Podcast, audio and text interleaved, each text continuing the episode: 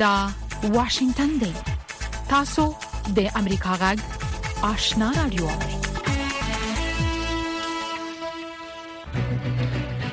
قدرمن اوریدونکو السلام علیکم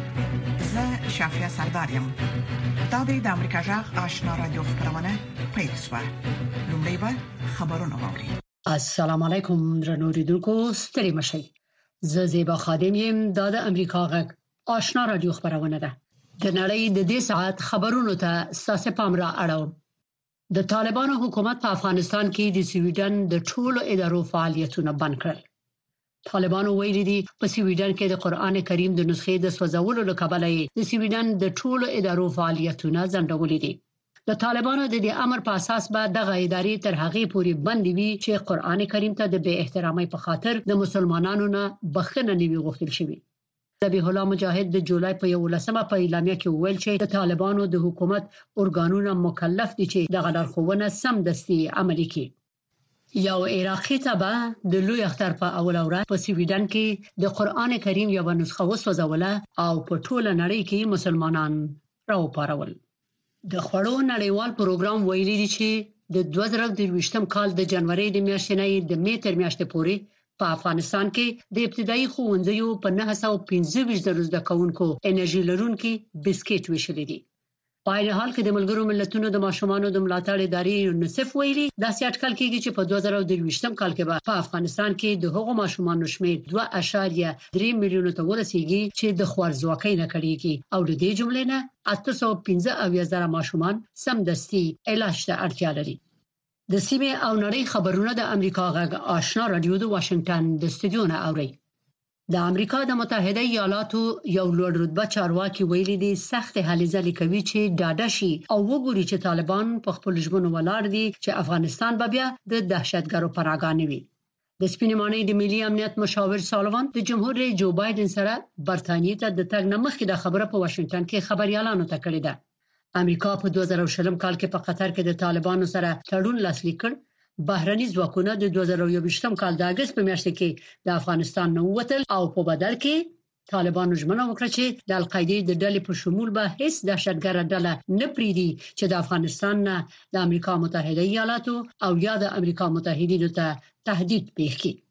جمهور رئیس جو بایډن څو ورځې مخکې د افغانستان نه د امریکایي قواو د وتلو د جنجالي مسلې دفاع وکړه او وی ویل طالبان د واشنگټن سره د القاعده په ځپلو کې مرسته کوي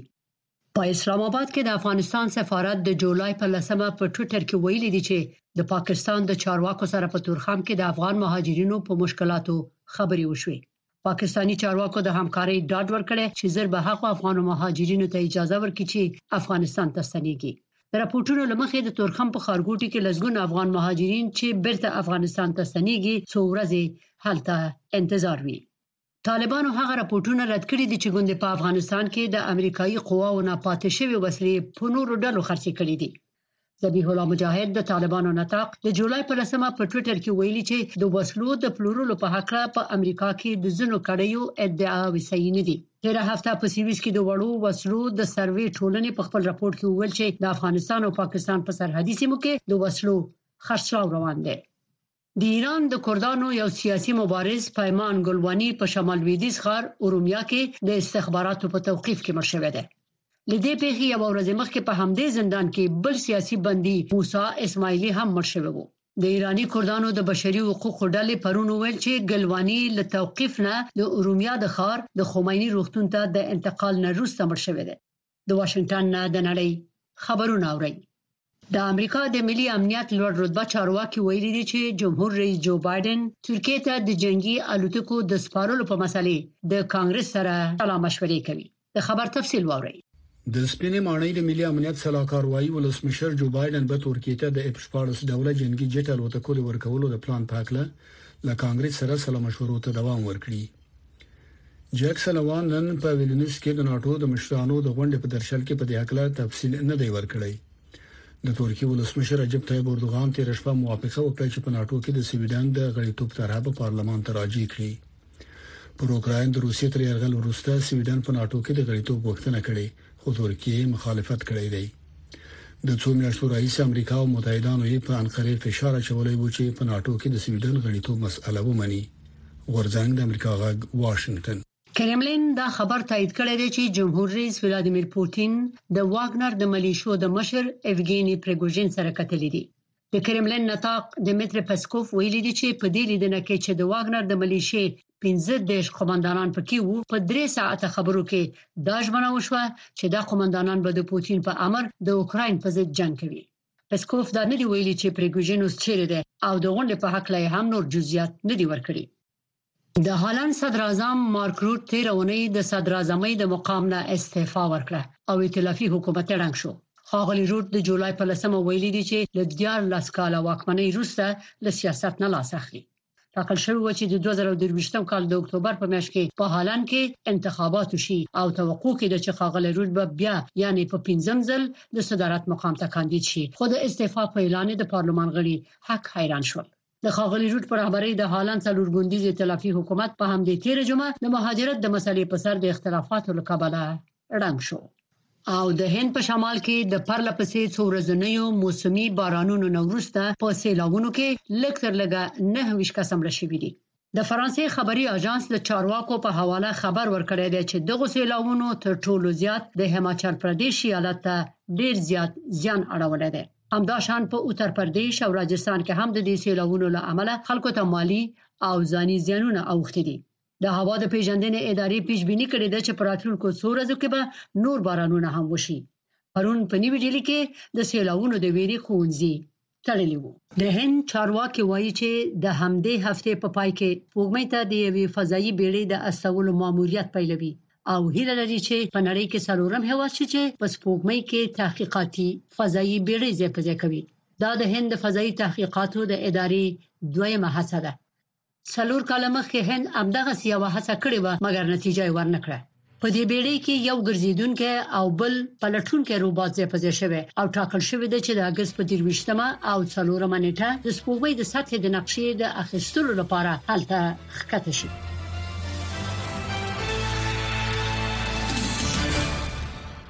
خبرونه مو د امریکا جغ آشنا رادیو څخه واوریدل قدرمن اوریدونکو زموږ په دې خبرونه کې د افغانستان سیمه او نړۍ د راپورټونو ترڅنګ د امریکا جغ سره مقاله هم اوریدلای شئ خو لومړی به دا راپورټ واوري ملګری ملتونه وایي چې افغانستان ته د نړیوال ټولنې د نغدو ډالرو انتقال د افغانۍ د بیې د ثبات سره مرسته کړې ده د شهزاده سرای د پیسو د بدلولو د مارکیټ چارواکي هم وایي چې د ځینو نورو عواملو ترڅنګ د نقدو ډالرو انتقال د افغانیو د بیې د ثبات سره مرسته کړې ده د اقتصادي چارو ځینې کارپوهان هم ورته نظر لري په دې اړه کې پام وکړئ زموږ د خبريال اکرام شینواری رپورت ده د ملګرو ملتونو د بشري مرستو د همغږۍ دفتر اوچا وایي چې د تیر 2022 میلادي کال د جنوري او د مارچ د میاشتو وروسته کله چې افغانستان ته د نړیوالې ټولنې لخوا د نقد ډالرو د انتقال لړۍ پیل شو افغانۍ د نور اثر په وړاندې خپل ارزښت ساتل پیل کړ او چې وایي چې د دې ترڅنګ د طالبانو د حکومت لخوا له افغانستان څخه بهر ته په غیر قانوني ډول د ډالرو د ایستلو مخنیوي هم د بهرنۍ اثر په وړاندې د افغانۍ د ارزښت په ساتلو کې مرسته کړې ده اوس مهال د شاهزاده د اسارو د تبادلې په بازار کې یو امریکایي ډالر د شاوخوا واټي افغانۍ سره تبادله کیږي ډالر سره د افغانۍ د تبادلې د اندازه د 2020 کال د اگست د میاشتې د بیو سره ورتوالی لري چې هغه مهال هم یو ډالر په شاوخوا واټي او اتاتي افغانۍ تبادله کیده د شاهزاده سره د سراپانو ټولنې ویاند عبدالرحمن زیرک وایي چې د بهرنۍ اسارو په وړاندې د افغانۍ د ارزښت د ساتلو یو دلیل د افغانستان بانک لخوا په منظم ډول بازار ته د ډالرو وړاندې کیدل دي. عمده دلیل یې دا دی د یوې خوا څخه د افغانستان بانک په هره هفته کې یو مقدار معینه اندازه بین ډالر مارکیټ ته وړاندې کوي او بل دا دی چې خارجي موسساتو هم ډالر ډیر خرڅوي افغاني اخلي او ولایتونو ته وړي او پر مستحقو اشخاصو یې ویشي او همدا ډول باندې په افغاني هم په مارکیټ کې یو اندازه قدر کمه ده. د اقتصادي چارو یو کارپوه روح الله احمدزی هم له بهر څخه افغانستان ته د نغدو امریکي ډالرو انتقال د افغانۍ د ارزښت په ساتلو کې مهم ګڼي. ښاغلي احمدزي امریکا غږ ته وویل چې دا څرګنده نه ده چې دغه نغدي مرستې د ژوند په نورو چارو څومره اغیز لري خو د بهرنیو اسعارو په وړاندې یې د افغانۍ بیه ساتلې ده. زه فکر کوم د نورو اهدافو تر څنګ یې یو هدف چې مثبت یې که وګڼو هغه دا ده چې د افغانیو قیمت په کاذب ډول باندې ثابت ساتل شوی ده. دغه موضوع حقیقت لري اما دا چې دا مرستې له دې نه پرته څومره ژوره اغېزمنتیا لري او څومره کولای شي د خلکو لپاره واقعاً ولګول شي، د دوی د ژوند د بهتروالي لپاره ترې ګټه پورته شي، متاسفانه نه ملل متحد ځوابدهي لري، نه نړیواله ټولنه، نه هم د طالبانو حاکمیت. ملګري ملتونه وایي چې د بهرنیو اسعارو په وړاندې د افغانۍ د ارزښت ساتل په بازار کې د اړتیا وړ توکو د بیو د لوړېدو د مخنیوي په برخه کې هم اهمیت لري او وایي چې دا کار د خوراکي توکو او نورو د اړتیا وړ توکو د بیو د ثابت ساتلو په برخه کې مرسته کوي. د ملګرو ملتونو د تېرې اوونۍ د یو راپور له مخې، په افغانستان کې د تېر دوه زره دوه ویشت کال د جون په میاشت کې د انفلاسیون کچه شپږ ویشت فیصده وه، چې د روان دوه زره درویشت کال په لومړۍ میاشت کې دا اندازه درې اعشاریه دوه فیصدو ته راټیټه شوې ده. ملګرو ملتونو په دغه راپور کې د خوراکي توکو د بیو د ټیټېدو یو علت د 2022 کال په نیمایي کې په نړیواله کچه د بیو پریوتل ښودلې دي د ملګرو ملتونو د بشري مرستو د همغږۍ د ادارې اوچا په دې راپور کې ویل شوی چې د افغانستان د صادراتو کچه هم سکل د تیر کال پرتله د زرو خوراکي توکو او د ډبرو سکرو د صادراتو لامل یو څه ښه شوې ده د اوچا په دې راپور کې د افغانستان په اړه د نړیوال بانک د معلوماتو په اساس ویل ثابت شوي چې د افغانستان صادرات د دوه زره درویشتم کال په لومړیو درې میاشتو کې پنځه سوه میلیونو ډالرو ته رسېدلي وو. د طالبانو د حکومت او صنعت او سوداګرۍ وزارت د معلوماتو پر اساس په تېر دوه زره دویشتم کال کې د افغانستان د صادراتو کچه شاوخوا د دوه میلیاردو ډالرو څخه اوښتې وه. انتظار پای ته ورسید ترنو لیدونکو او اوریدونکو تاسو کولی شئ د امریکا غا ټلویزیونی او رادیوي خبرونه د یاشر ساتلایت له طریقو وګورئ او واورئ د نوي ساتلایت لارې تاسو د آشنا اتصال او کاروان ټلویزیونی خبرونه کتلای هم شئ د امریکا غږ د افغانستان څنګه خبرونه په 308 پټ چنل او د آشنا رادیوي خبرونه په 308 پټ چنل کې اوریدلای شئ لملتيامو د تل پشان مننه د امریکا جغ آشنا رادیو څخه تاسو زموږ د خبرونه اوري قدرمن اوریدونکو په افغانستان کې د امریکا په خوانی سفیر ارل انټونی وین په دې باور دی چې د ناتو پر روانه غونډه کې اوکرين ته د غړیتوب ورکولو موضوع باندې بحث نه کیږي انټونی وین زموږ د همکار احمد الله ارچوال سره په مرکه کې ویلي ناټو کې اوکراین ته د غړیتوب ورکولو موضوع به په روسیه کې د پوتین څخه د ملاتړ د زیاتېدو لامل شي په مکرې دې مرکه ده خه د استدلال بل اړخ دا دی چې کناټو اوکراین ته د غړیتوب په ورکولو کې بیړه وکړي پوتین به خلکو ته وایي چې لویدیځ نړۍ امریکا او ناټو غوښتل اوکراین خپل لوري ته کش کړي او روسیه محاصره کړي دا به نوموړي ته پلمه برابر کړي چې پر اوکرين خپل بری توجیه کړي لدې عمل زه فکر کوم بل مخالف استدلال دا دی چې اوکرين اوس په ولانجه کې ښکیل دی او لا معلومه نه ده چې اوکرين به د ناتو د غړیتوب ټول اړین شرایط پوره کړي او کنه پوتین پر اوکرين برید داسې توجیه کړی و چې ناتو او روسیه غوښتل چې روسیه محاصره او اوکراین خپلوري ته کش کړي. داسې فکر کېږي چې امریکا د ناټو د ځینې نورو غړو برخلاف اوکراین ته ناټو کې د غړیتوب ورکولو په اړه زړه نازړه ده. د امریکا د زړه نازړه توب لامل دا دی چې اوکراین ته غړیتوب ورکولو له امله به پوتین درېیمه نړیواله جګړه پېل کړي. ایا پوتین د دې توان لري چې درېیمه نړیواله جګړه پېل کړي؟ موږ دا فکر هم نه کاوه چې پوتین په اوکراین کې د جګړې پیلولو په موقف کې وو نو لدې عمل خلک اندېښنه لري چې پوتین به هغه کار وکړي چې موږ ته منطقي نه ښکاري د پوتین پریکړې تر یو حد احساساتي چې د روسیې پر ملت پالنه د روسیې پر پخوانی برم او پر دې خبره چې امریکا او نور غواړي چې د روسیې په خوانی برم له دوی څخه واخلي ولاړ دي چې دا کار به د یوې بدې پریکړې کولو لامل شي زما له نظر خلک په دې اړه ډیر احتیاط کوي او نه غواړي چې په روسیه کې د ملت پالنې د اور لمبې لا پسې زور واخلي خو که اوکراین د ناتو غړیتوب ترلاسه نه کړي دا به د اوکراین او لویدیځې نړۍ امریکا او ناتو پر ملګرتیا څه اغیزه وکړي که خلک پر بیلابیلو انتخابونو باندې فکر کوي د بیلګې په توګه د ناتو غړي هیوادونه د اوکراین سره پر روانه لانجه کې د دوامدار پوځي مرستو ژمنې کوي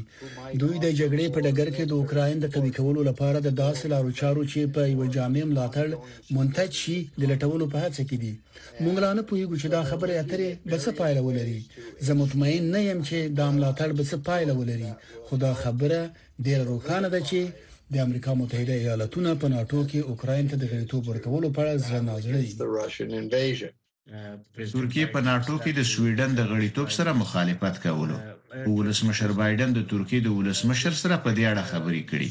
فکر کوئ چې سویډن به د ناټو غړیتوب ترلاسه کړای شي؟ ښه، زه فکر کوم دوی باید دغه غړیتوب ترلاسه کړي، خو دا چې دوی به دغه غړیتوب په همدې سرمشریزه کې ترلاسه کړي، لا سمه یقیني نه ده. اردوغان هر وخت خپل غوښتنې زیاتوي په تیرو څو غوښتنو کې یو دا هم و چې ترکیه ته باید په اروپאי ټولنه کې غړیتوب ورکړای شي د اردوغان دغه غوښتنو ډیر خلک په غوسه کړي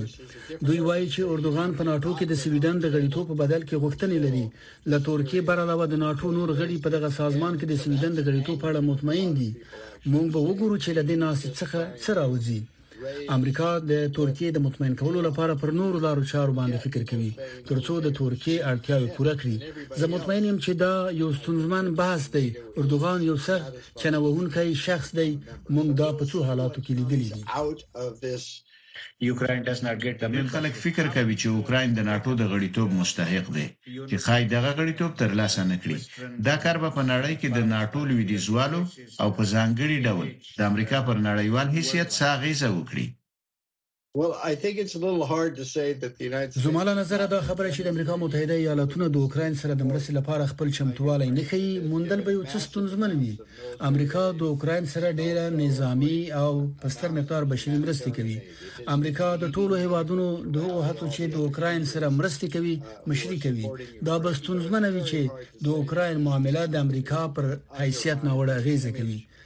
زما له نظر هغه څه چې مهم دي هغه دا دي چې په لړ مهال کې خلک پر داسې لارو چارو اوکرين ته د روسانو د بریدونو سره د مقابله او د خپل خاورې د بیرته نیولو لپاره وسلو او ملاتړ ورکولو ته دوام ورکړي او په وګړي مهال کې د اوکرين سره داسې امنیتي تضمینونه او ژمنې وشي چې هغه د اوکرين سره د خپل ازادۍ په ساتلو کې مرسته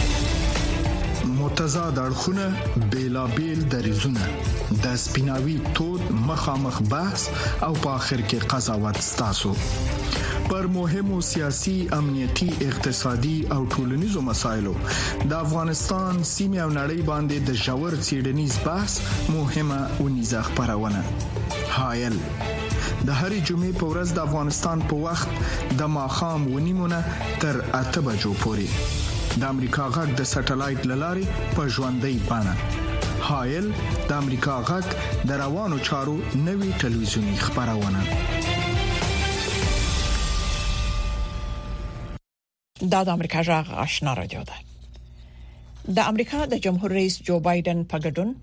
د ناتو امنیتي سازمان مشرانو پرون د سه شنبه په ورځ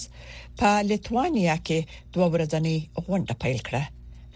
د ناتو سرمنشي ین سټولټنبرګ دا غونډه په دې تاریخي بللې چې ترکیه په ناتو کې د سویډن د غړیتوب له مخالفت څخه لاس واخیست نور تفصيل پر پورت کې ووري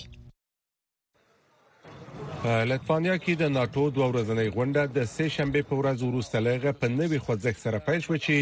ترکیه له ناتو سره د سویډن د یو ځای کېدو په اړه خپل مخالفت پرې خود د ناتو سرمنشي ینس ستولتنبرګ وویل دا پرمختګ یو روښانه او پیاوړی پیغام استوي. دا یو روښانه او پیاوړی پیغام استوي او همدارنګه ښکاره کوي چې د اوکراین په وړاندې د ولسمشر پوتین جګړه یوه لویه ستراتیژیکه تېروتنه وه.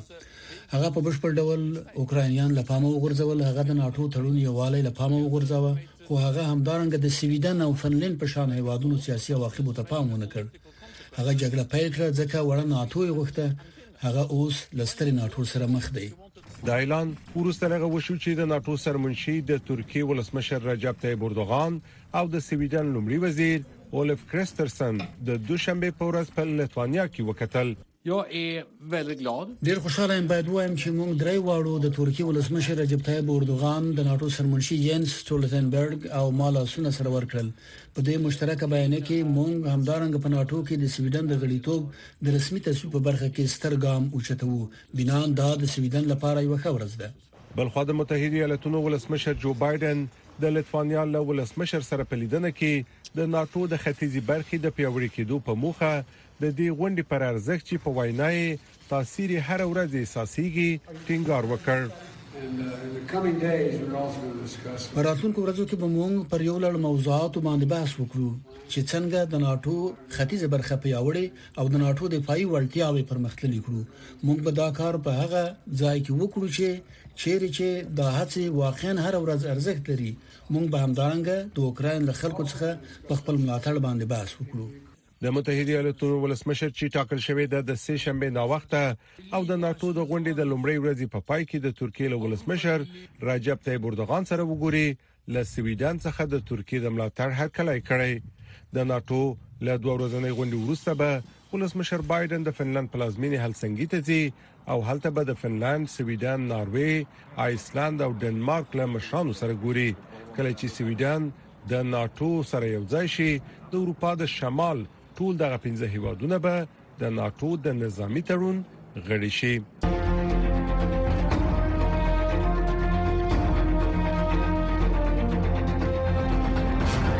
اتصال زموږ او ساسي پیوستون خبرونه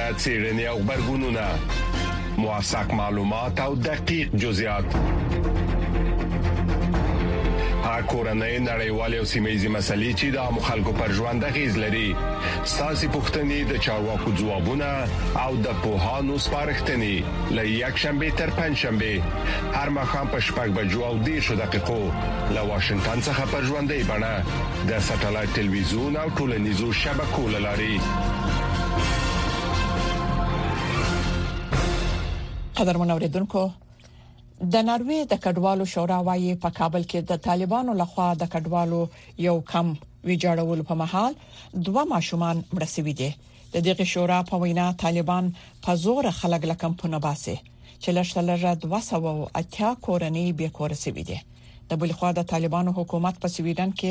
د قران کریم ته د سپکاوي په خبرګون کې په افغانستان کې د سویډن د حکومت اړوند ټولو ادارو فعالیتونه د مسلمانانو څخه د بخښنې غوښتلو تر وخته ځنډولې دي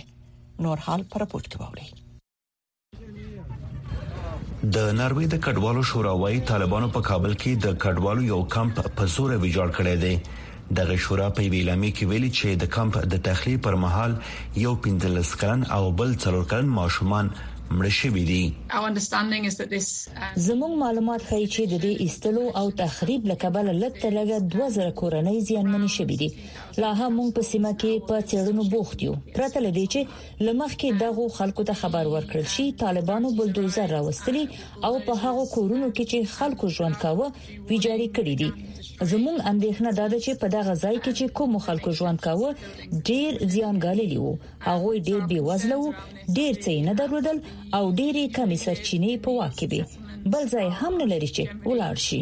د ناروې د کډوالو شورا له طالبانو غوښتي چې ژر تر ژره د کډوالو د ایستلو بهیر ودروي او د هغوی حقوقو ته درناوی وکړي بلخوا طالبانو په سویډن کې قران کریم ته د سپکاوي په خبرګون کې په افغانستان کې د دغه هیواد اړوند د ټولو ادارو فعالیتونه د مسلمانانو څخه د بخښنې غوښتلو تر وخته ځنډولې دي د طالبان د حکومت ویان ذبیح الله مجاهد ویلي چې ترڅو چې د دې شوم عمل عمل له مسلمانانو څخه عفا نیوي غوښتل شوی اسلامي امارت په افغانستان کې د سویډن هواد د هر ډول فعالیت د درېدو امر کوي د سویډن د کمیټې په نوم د سویډن یو غیر دولتي اداره د نګدي 15 کلن را پدې خو افغانان ته د تعلیم، روغتیا او نور بشري چارو کې مرستې برابروي. یو شمېر شنونکي وایي دا مسله باید له ډیپلوماټیکو لارو هواره شي. پرته له شکه چې د سویډن هېواد دا وروستی تصمیم د قران عظیم شان د یو نسخې سوځولو یا هغه ته د بې احترامي په ارتباط دا به موږ په کلکو ټکو غندو، د موږ لپاره د منلو وړ نه دی. خو په فعلي شرایطو کې زه فکر کوم د افغانستان خلک شدیداً مرستو ته اړتیا لري او د سویډن هېواد هغه مرستندوی ټولنې چې په افغانستان کې کار کوي دوی پر روغتیا په برخه کې د لوړو زده کړو او همچنان د مهاجرینو او مهاجرت په برخه کې ډیر زیات مرستې افغانستان سره کړې د دغه اداراتو تړل د افغانستان د خلکو په زیان دی یو اووه دېرش کلن عراقي سلوان مومیکا د سویډن د پایتخت سټاکولم د تر ټولو لوی جماعت مخې ته د لوی اختر په لومړۍ ورځ د قران کریم یو نسخه وسوځوله چې په ټوله نړۍ کې د مسلمانانو غوسه راو پاراوله چې د سویډن په ګډون په ګڼو هیوادونو کې مظاهره هم وشوي وحید فیضی د امریکا غږ واشنگټن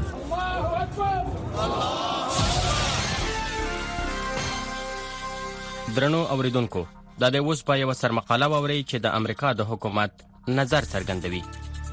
د جولای د میاشتې په لومړۍ هفته کې د روسي جنگي الوتکې په سوریه کې د آی اس اس په خلاف د امریکا د ډرون الوتکو په پرلپسې توګه د لارښوونې ماموریت زوروي د پنټاګان د مطبوعاتو سکرټري د هوایي قواو تورن جنرال د روسي په قواو باندې غږ وکړ چې دغه ډول به باکه سلوک بند کړي او د مسلکي هوایي کسانو په شان سلوک وکړي د تاسو شو نارمونو او پروتوکولونو د بې پروايي کولو په نظر کې نیولو سره د روسي جټالوتکو د جولای د میاشتې په 15 نیټه د امریکا په هغو ډرون الوتکو باندې څو اړخیزه پراشوت رڼا کا چې په سوري کې د آی اس اس اس د هدفونو لپاره چړنه او د ډرون الوتکو ته په خطرناک توګه نږدې الوتنې کولې او دوی مجبور کړل چې غولون کې تمرینونه نه وکړي برسېره پر دې د روسي یو پیلوټ د امریکا د ډرون الوتکې په مخ کې خپل الوتکه ودروله او د جټ په بیا ګرمولو کې بوخ شو چې خپل سرعت او هوایي فشار زیات کړي او د عمل کوونکو قابلیت کم کړي چې الوتکه په محفوظه توګه عمل وکړي دوهمه خطرناکه پیښه د جولای د میاشتې په شپږمه نیټه په څه کم څلیرو ساعتونو کې واقع شو کله چې د روسي نظامی الوتکې بیا د امریکا د هغو یو شمیر ډرون الوتکو په مخ کې لمبې پورته کړې چې په سوریه کې د آیسس د هدفونو په خلاف خپل ماموریت پر مخ بیوه. د روسیې جټ الوتکو یو ځل بیا د امریکا ډرون الوتکو ته نږدې خطرناکې الوتنې کولې او د دوی په مخ کې رڼا واچوله. تورن جنرال ریډر د روسي د دفاع وزارت د ادعاوې رد کړلې چې د روسي قواوې د سوري د قواو سره په ګډه نظامی تطبیقات کوي او امریکا د هوایی قلمرو او پروتوکولونه سرغړونې کړې دي د ویلې د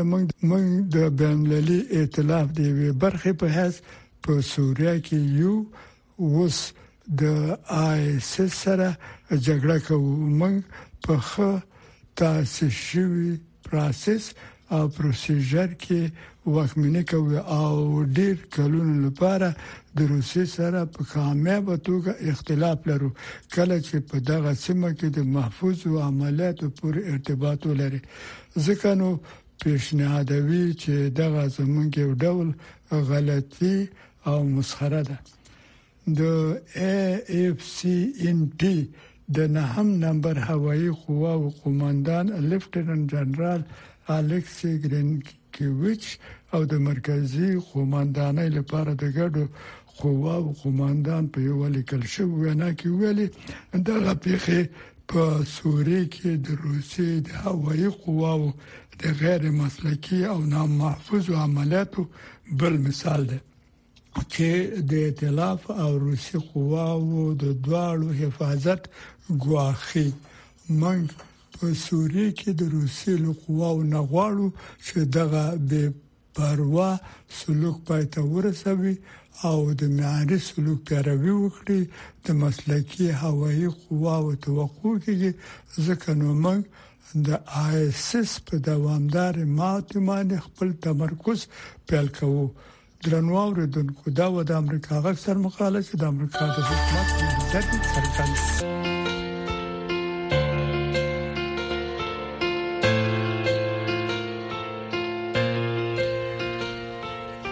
درنوریدونکو زموږ د خبرونه په همدې ځای پای ته ورسیده د امریکا جغ آشنا را دوه خبرونه دوام لري ستاسو ټول څه مننه چې زموږ خبرونه اوري